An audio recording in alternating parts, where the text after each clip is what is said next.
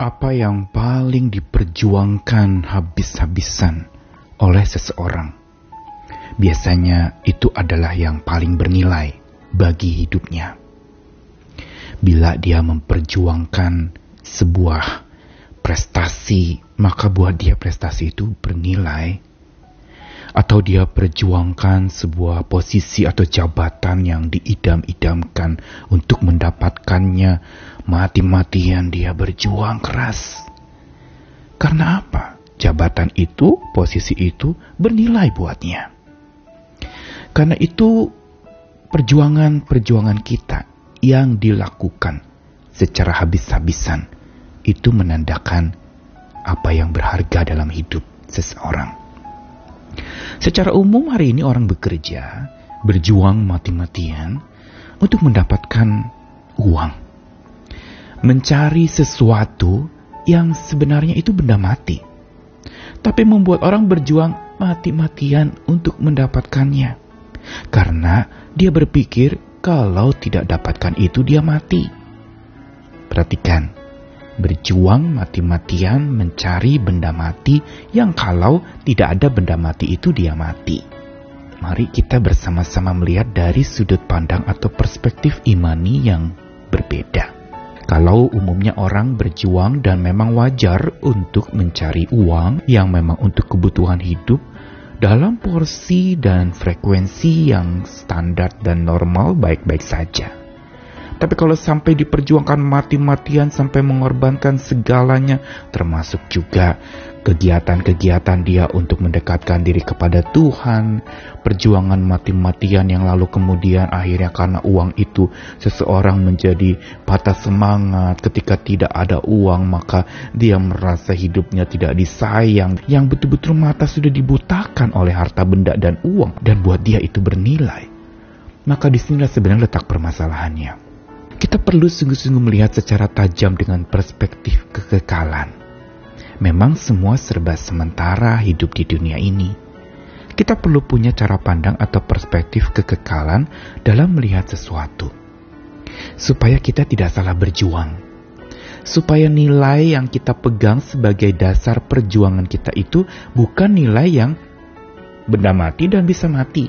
Dan juga tidak bisa dibawa mati Jangan sampai kita mati-matian berjuang demi yang tidak dibawa mati. Saya Nikolas Kurniawan kembali menemani di dalam Sabda Tuhan. Hari ini dua ayat dari Lukas pasal 12, ayat yang ke-15, demikianlah Sabda Tuhan. Katanya lagi kepada mereka, berjaga-jagalah dan waspadalah terhadap segala ketamakan Sebab walaupun seorang berlimpah-limpah hartanya, hidupnya tidaklah tergantung daripada kekayaannya itu.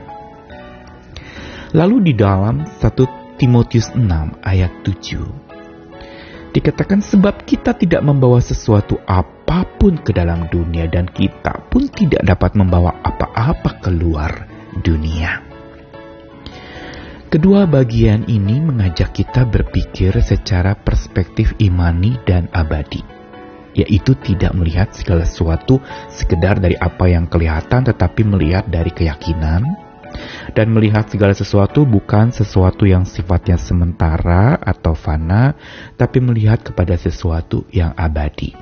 Bukan bicara masalah penghidupan dan kehidupan di dunia ini pada masa kini saja Memang itu penting untuk diperjuangkan. Tapi bagaimana setelah itu? Bukankah sebenarnya dan sesungguhnya yang abadi, yang kekal itu yang perlu kita persiapkan dari jauh-jauh hari? Investasi kesementaraan memang ya serba sementara dan akan habis, mungkin kita tidak nikmati. Tapi investasi kekekalan adalah sesuatu yang sifatnya abadi dan selalu ada.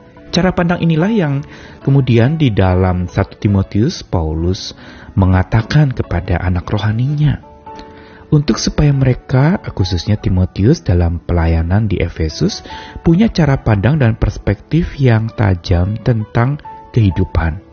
Sederhana ayat 7 memang, sebab kita tidak bawa sesuatu apa pun ke dalam dunia dan tidak bawa apa-apa keluar.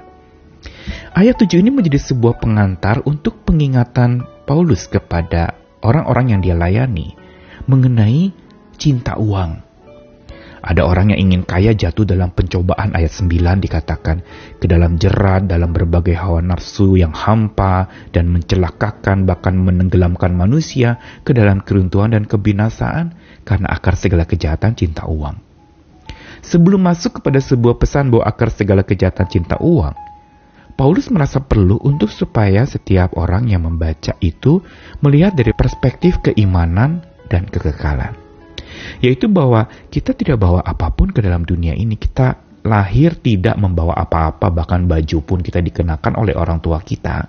Kita tidak genggam apa-apa, tangan kosong, tangan hampa, dan mati pun tangan kita hampa tidak bisa bawa apa-apa keluar. Ini yang diingatkan oleh Paulus kepada anak rohaninya Timotius untuk supaya perspektif inilah yang menyebabkan seseorang bisa melihat uang, kekayaan itu dari perspektif yang memang benar bahwa itu semua sementara. Kekayaan di dunia ini, uang yang ada di dunia ini, yang diburu begitu rupa, bahkan membuat orang menyimpang dari iman dan menyiksa diri dengan berbagai-bagai duka, atau dengan perjuangan yang hampa untuk sesuatu yang tidak akan dia bawa mati, maka ini semua adalah sebuah pengingatan yang tegas juga di dalam Lukas pasal 12 tadi. Ketika Tuhan mengingatkan, berjaga-jagalah dan waspada akan segala ketamakan, sebab walaupun berlimpah harta di dunia ini, hidup manusia tidak bergantung kepada kekayaannya itu.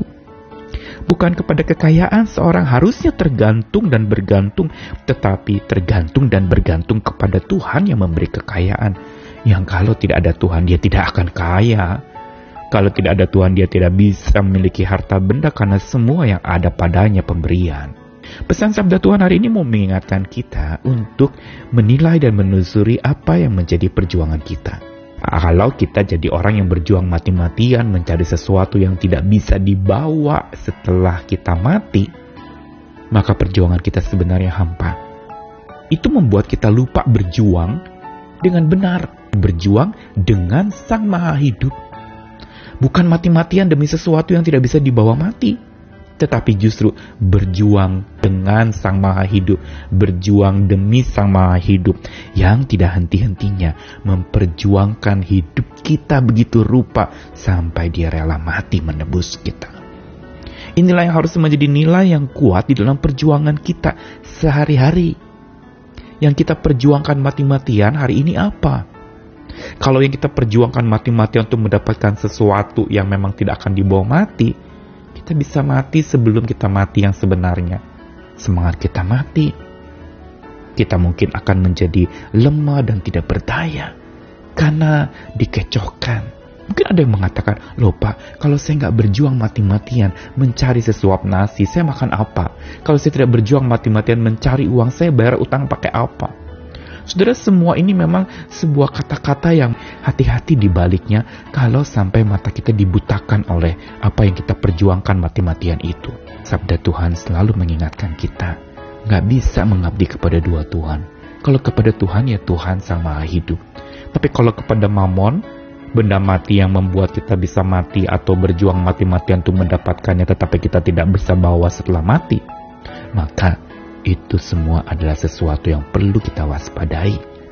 Mari kita betul-betul serahkan segala kekhawatiran kita akan masa depan, akan harta benda kita, akan uang kita, akan utang-utang kita, dan segala sesuatu yang kita pikir itu sesuatu yang kita perlu kejar, kita raih. Tapi jangan lupa bersama dengan Tuhan, ayo kita meraihnya bersama dengan Tuhan yang menyediakan segala sesuatu bahkan burung pipit di udara dia pelihara, dia juga akan mampu pelihara kita. Ayo hidup dari hikmat Tuhan.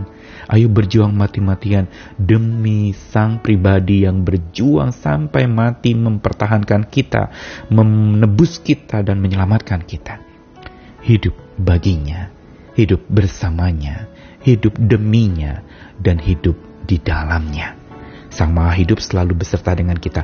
Ayo arungi hidup bersama dengan Sang Maha Hidup. Jangan kejar benda-benda mati yang akan mati dan tidak bisa dibawa setelah mati. Tuhan mengasihi kita sekalian. Amin.